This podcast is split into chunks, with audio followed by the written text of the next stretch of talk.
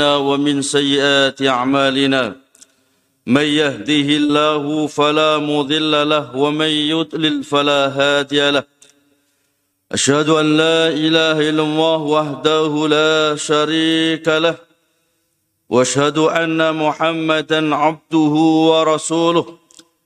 اللهم صل وسلم وبارك على نبينا محمد وعلى آله وصحبه أجمعين. وبعد. Jamaah yang semoga dirahmati oleh Allah Subhanahu wa taala. Alhamdulillah.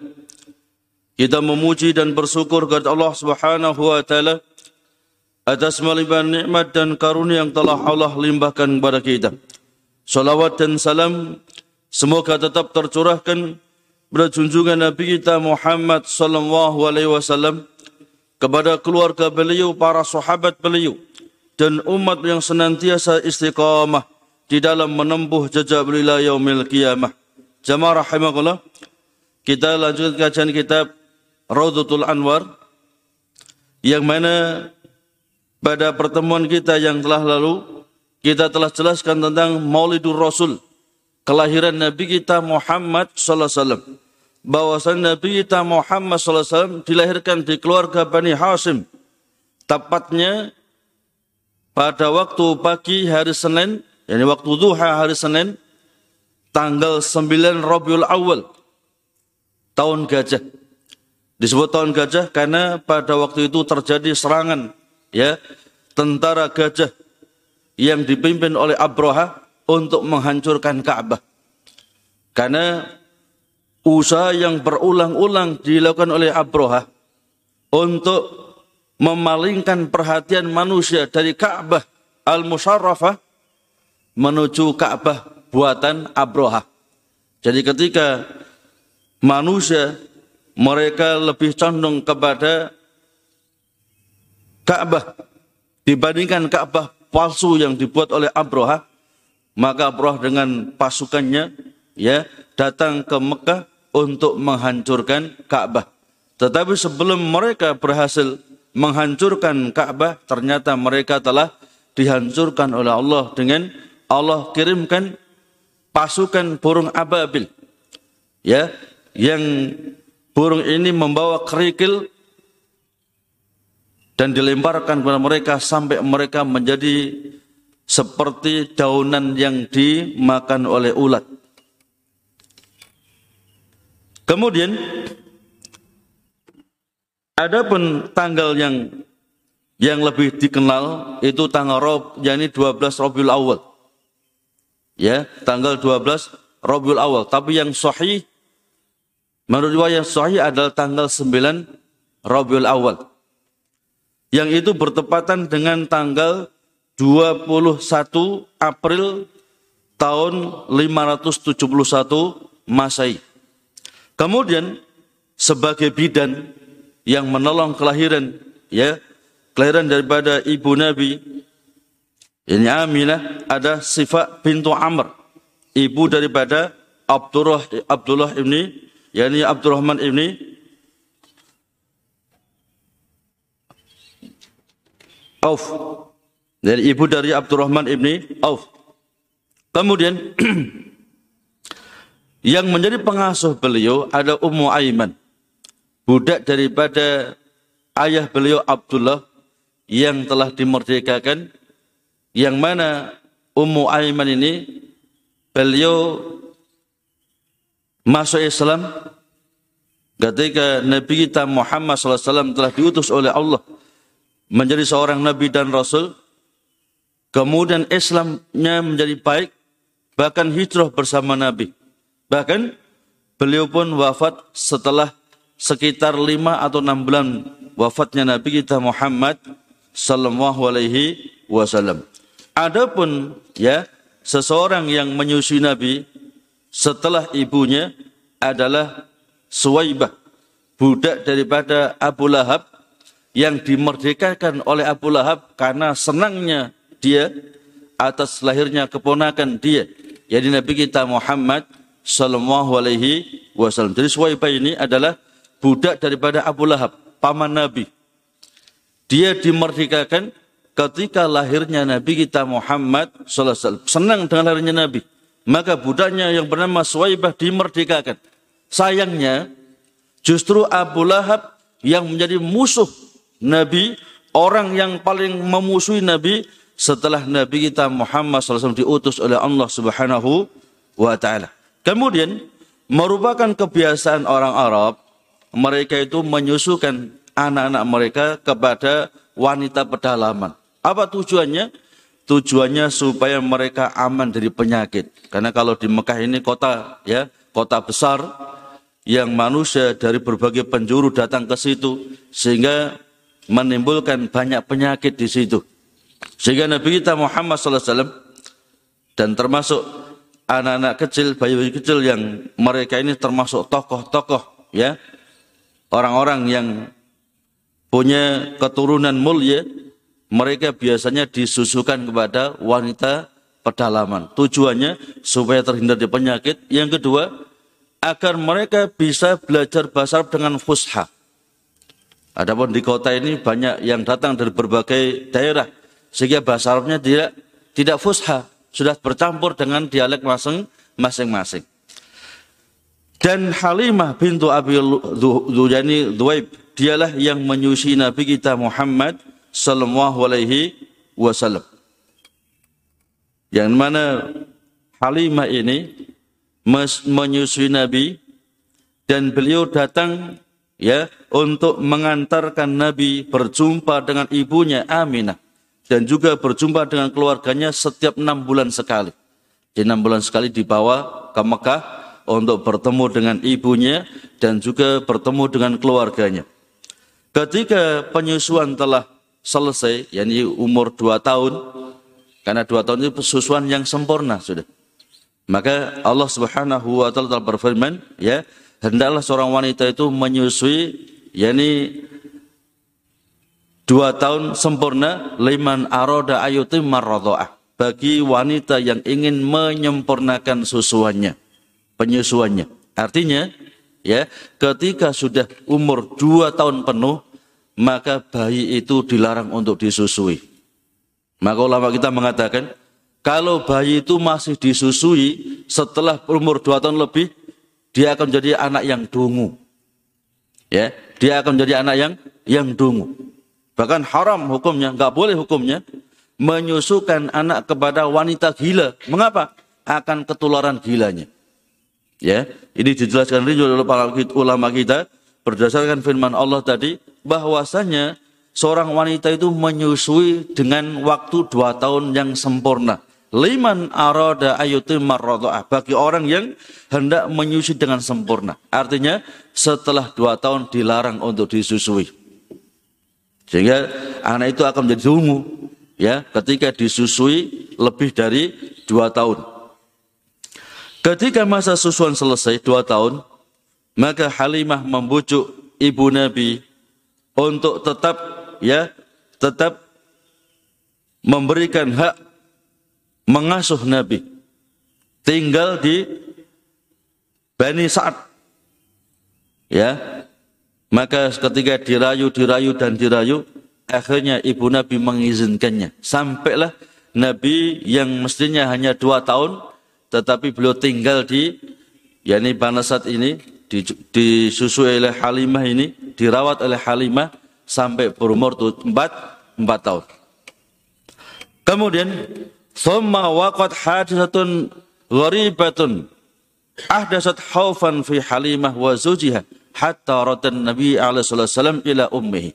Kemudian ketika Nabi berumur empat tahun, terjadi peristiwa yang sangat ya, yang sangat aneh yang menyebabkan yakni Halimah dan suaminya menyerahkan Nabi kepada ibunya.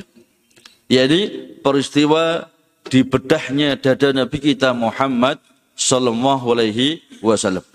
Berkata sahabat Anas bin Malik, Inna Rasul alaihi salatu wasallam atahu Jibril wa huwa yal'abu ma'al gilman fa akhadahu fasarahu fasaqa an qalbihi.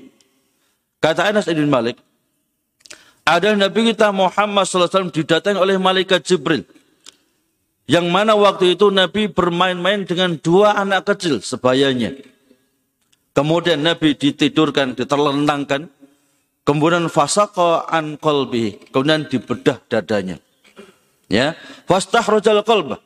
Maka malaikat Jibril mengeluarkan hati Nabi. Fastahraja minhu alaqah. Kemudian oleh malaikat Jibril sebagian kecil hati Nabi dipotong. Faqala seraya mengatakan hadza hadu syaitan minka. Ini bagian syaitan dari diri kamu. Setelah itu dicuci ya dengan air zam-zam dengan bejana yang terbuat dari emas. Kemudian setelah itu dikembalikan lagi.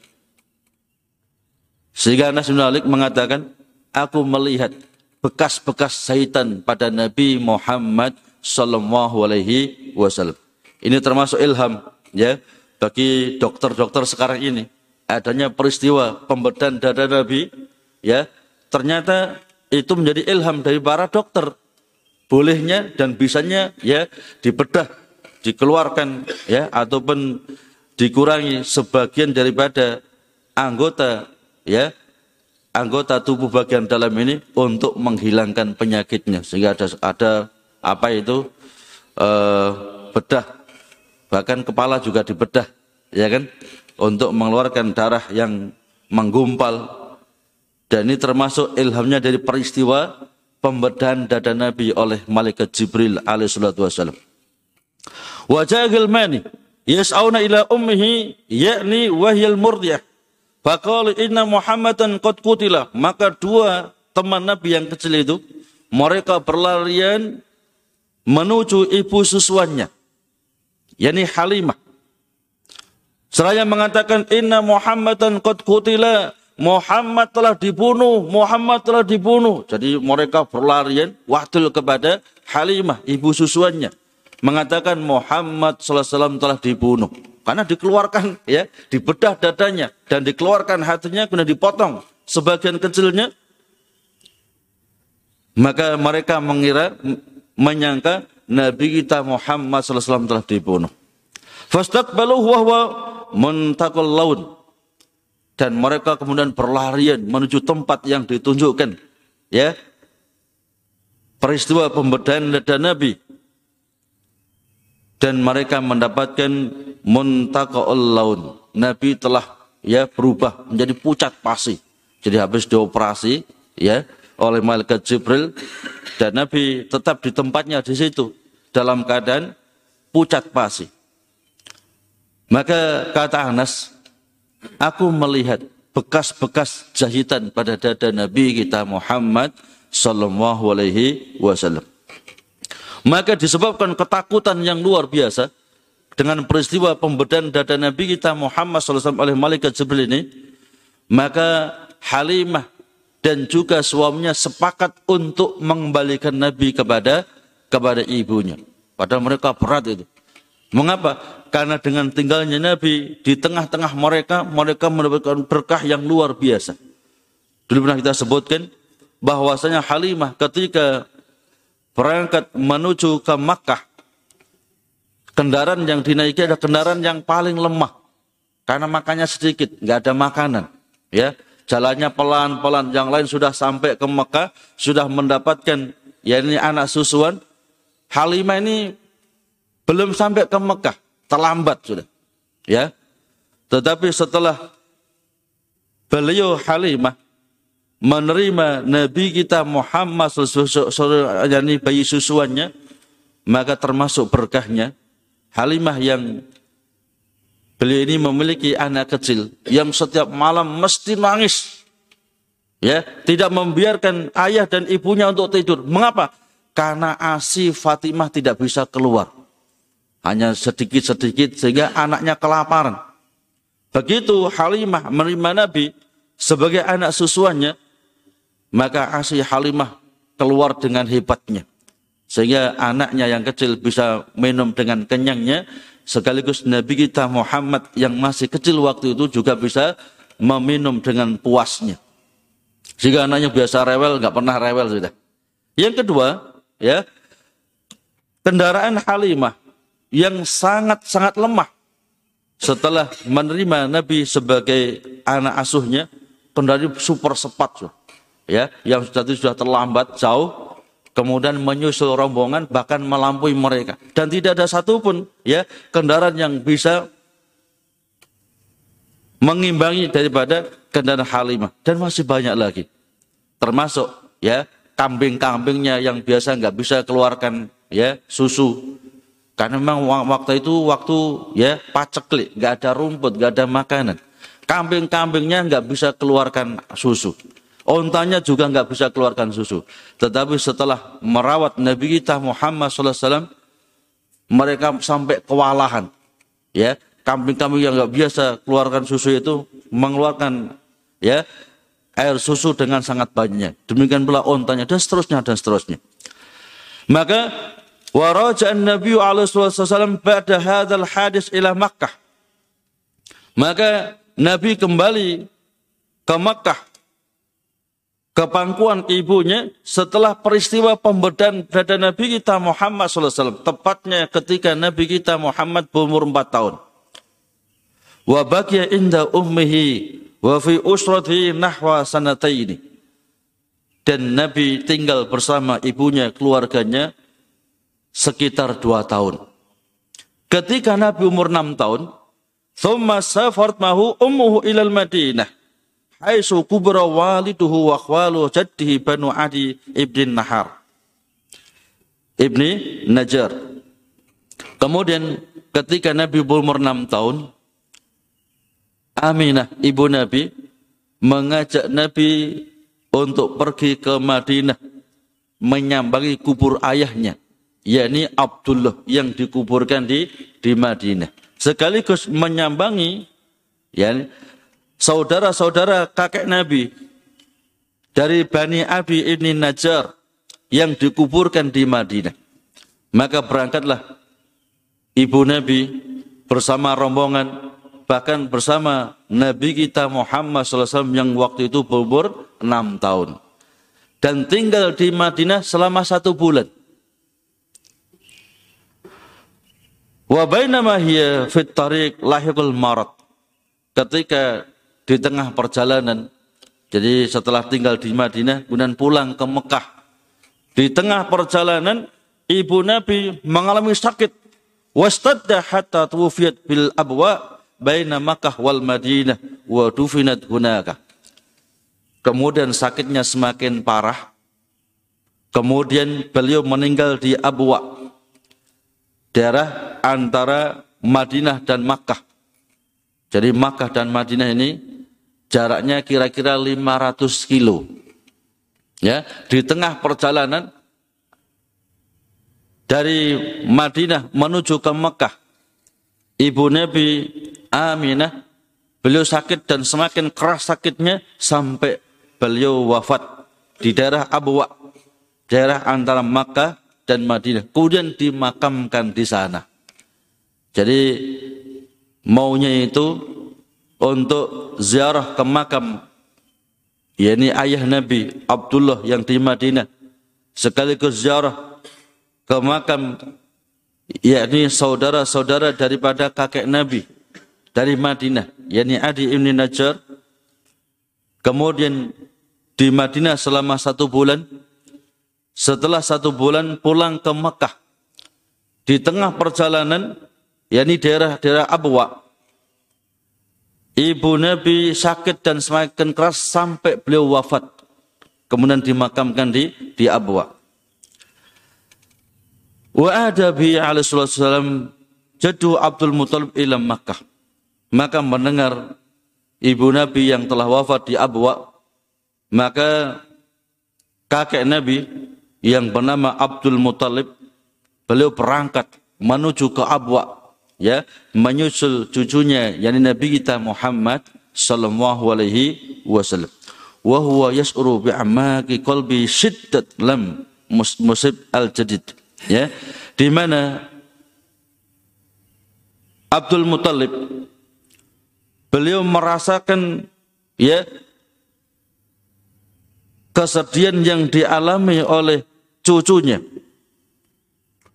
Maka sifat belas kasihannya semakin menjadi-jadi. Faraq alaihi riqqatan lam yarikha al ahadin min auladihi. maka kasih sayang beliau semakin ya semakin besar kepada Nabi kita Muhammad sallallahu alaihi wasallam sehingga kasih sayang itu tidak diberikan ya bahkan kepada anak-anaknya. Jadi cintanya kepada Nabi itu melebihi cintanya kepada putra-putranya. Dan beliau Abdul Muttalib memuliakan Nabi dengan pemulihan yang luar biasa. Abdul Muthalib ini memiliki tempat yang khusus. Bahkan juga memiliki permadani khusus. Yang tidak boleh satupun duduk di atas permadani ini. Dan juga duduk di atas kursinya. Kecuali Abdul Muthalib.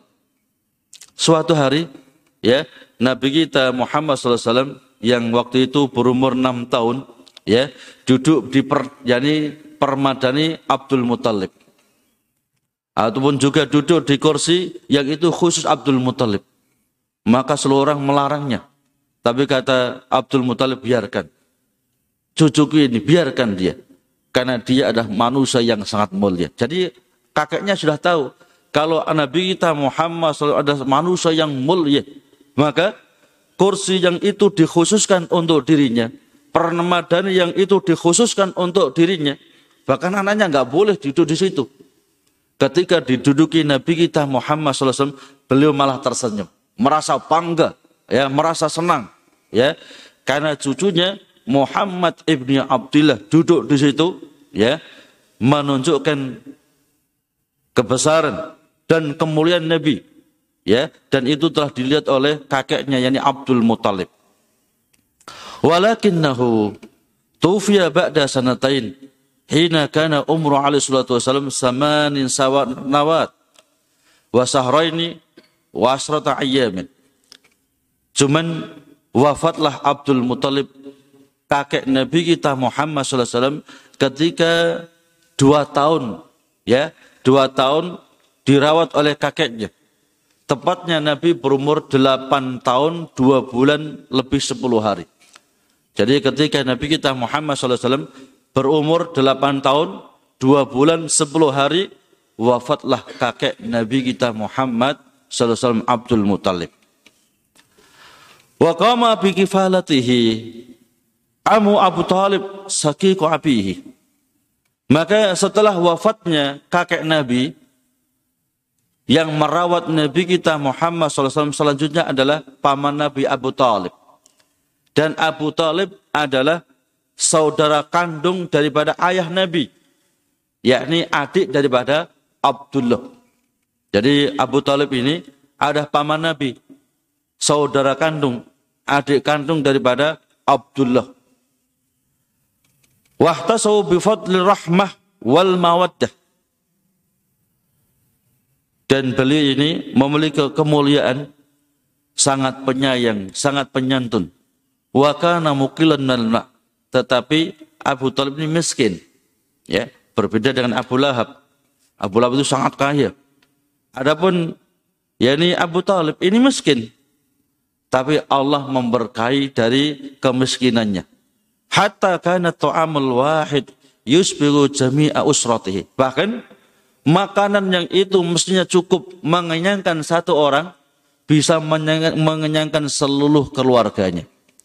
Jadi keberkahan Abu Talib, paman Nabi, ya, dengan tinggalnya Nabi di tengah-tengah keluarga, yakni Abu Talib ini, makanan yang itu mestinya cukup satu orang bisa membuat kenyang seluruh seluruh keluarga. Jadi misalnya satu porsi, ya, itu misalnya cukup satu orang, tapi satu porsi bisa mengenyangkan ya seluruh keluarga. Dan ini menunjukkan ya ini konaannya, sabarnya Abu Talib dan keluarganya. Warada Abu Talib ayahruja bitijaratin ila Sam fi iri Quraisy. Wa kana umru alaihi salatu wasallam isnata asara sanatan wa kila wa sahraini wa asrata ayyam. Dan Abu Talib beliau hendak berdagang ya menuju ke negeri Sam dengan rombongan onta Quraisy. Yang mana waktu itu Nabi kita Muhammad SAW berumur 12 tahun. Sebagian ahli tarikh surah 12 tahun, dua bulan lebih sepuluh hari. Fasta'dhama Rasulullah SAW fi. Ya, dan Nabi merasa sedih ya dengan mau berangkatnya paman Nabi atau Abu Talib untuk berangkat ke ke Syam berdagang. Maka timbullah belas kasihan yang luar biasa dari Abu Talib, paman Nabi, wa mau. Kemudian Abu Talib mengajak ikut serta Nabi kita Muhammad SAW untuk berdagang ke negeri Syam. Falamma nazal rukub qariban min Madinah Basrah ala masari fi Syam kharaja ilaihim ahadu kibari ruhban an-nasara wa huwa Buhairah ar-rahib. Maka ketika rombongan ini sampai di kota Basrah yakni pinggiran negeri Syam maka keluar salah seorang pendeta Nasrani yang bernama Bukhairah menuju rombongan ini. Fatahallala firrukab hatta wasala ila Nabi alaihi salatu wasallam. Maka beliau menyipak ya, menyipak rombongan yang banyak itu. Karena rombongan Ir ini banyak ya. Beliau menyipak rombongan sampai kepada Nabi kita Muhammad SAW yang mana Nabi di tengah-tengah rombongan. Kemudian fakhadha biyatihi faqala. Kemudian beliau yakni seorang rahib ini Bukhairah ini seorang pendeta Nasrani. Beliau memegang tangan Nabi. Seraya mengatakan hada sayyidul alamin. Hada rasul rabbil alamin. Hada yab'asullahu rahmatan lil alamin. Ini adalah tuannya seluruh alam. Ini adalah utusan Allah penguasa alam. Dan Allah utus dia sebagai rahmatan lil alamin jadi Nabi kita Muhammad SAW masih di umur 12 tahun. Ini Bukhaira dengan tanda-tandanya yang banyak. Ya, Beliau tahu kalau Nabi kita Muhammad SAW adalah calonnya Nabi dan Rasul. Penutup Nabi dan Rasul yang akan diutus oleh Allah sebagai rahmatan lil alamin. Maka seluruh rombongan mengatakan, Ma ilmu kabidalik. Mengapa engkau bisa mengetahui kalau anak kecil ini Muhammad ibni Abdullah ini ada Sayyidul Alamin ya. Tuannya seluruh makhluk di segala alam ini. Utusan Allah penguasa sekalian alam. Bahkan Allah utus dia sebagai rahmatan lil alamin. Maka berkatalah Bukhairah innakum hina asraftum mainal uqbah lam yabqa hajarun wala syajarun illa kharra sajidan wala yasudani illa linabiyyin Aku mengetahui bahwasanya anak ini adalah calonnya Nabi, calonannya Rasul, bahkan penutup daripada Nabi dan Rasul. Karena ketika kalian ya berjalan di lembah tadi, aku melihat tidak ada satupun bebatuan, dan tidak ada satupun pepohonan kecuali mereka sujud hormat kepada Muhammad ibni Abdullah. Dan mereka tidak mungkin sujud hormat kecuali kepada seorang nabi. Wa inni a'rifuhu bi khatamin nubuwah asfala min usuri katafi mislat tufaha wa inna najufi kudubina. Dan aku pun juga mengetahui bahwasanya anak kecil ini memiliki tanda kenabian. Ya, di bawah pundak beliau yang bagian kanan ini ada stempel kenabian seperti buah apel. Ya, jadi pada bawah pundak bagian nabi bagian kanan itu ada stempel kenabian. Setiap nabi pasti punya. Ya ini kalau bahasa kita toh kalau bahasa kita seperti buah ya ini apel dan kami dapatkan tanda-tanda itu dalam kitab-kitab kami. Termasuk Nabi kita Muhammad SAW tidaklah yakni melewati suatu tempat yang panas kecuali pasti dinaungi oleh dua malaikat. Ya, sehingga nggak panas. Jadi awan itu berjalan seperti ya persis berjalannya Nabi. Jadi kalau Nabi misalnya berjalan dari sana, itu awannya juga ikut jalan tuh, ya. Sehingga Nabi tidak kepanasan. Itu termasuk ciri-ciri kenabian beliau Nabi kita Muhammad sallallahu alaihi wasallam. Kemudian Buhaira ini menjamu seluruh rombongan dan memuliakan seluruh rombongan. Karena di antaranya adalah salah satu rombongannya Muhammad ibni Abdullah, calon nabi dan calon rasul, calon penutup nabi dan rasul. Wasala Abu Talib ayaruddahu wala yuqaddimu bi ila Islam haufan minal Yahud war Ruman. Faradaw Abu Talib ila Makkah. Bahkan Bukhaira, seorang rahib Nasrani ini meminta ya, meminta kepada Abu Talib untuk jangan sekali-kali ke negeri Sam. Ya. Karena khawatir orang-orang Yahudi ketika mereka orang Yahudi mengetahui ciri-ciri ini pasti aneh akan dibunuh ini. Mengapa? Karena orang-orang Yahudi berharap kepada Allah, meminta kepada Allah agar segera diturunkan seorang nabi tapi mereka tidak menghendaki kalau dari Bani selain Bani Ishak. Sedangkan Nabi kita Muhammad SAW dari Bani, Bani Ismail. Maka ketika orang Yahudi mengetahui ini, pasti akan dieksekusi mati. Sekaligus orang-orang Romawi yang mereka ya mereka juga bergabung dengan orang-orang Yahudi ya untuk mencari orang yang calon nabi selain Bani Ishak ini. Farada Abu Talib ila Makkah. Maka Abu Talib meminta ya sebagian rombongan untuk pulang ke Makkah mengantarkan Nabi kita Muhammad sallallahu alaihi wasallam.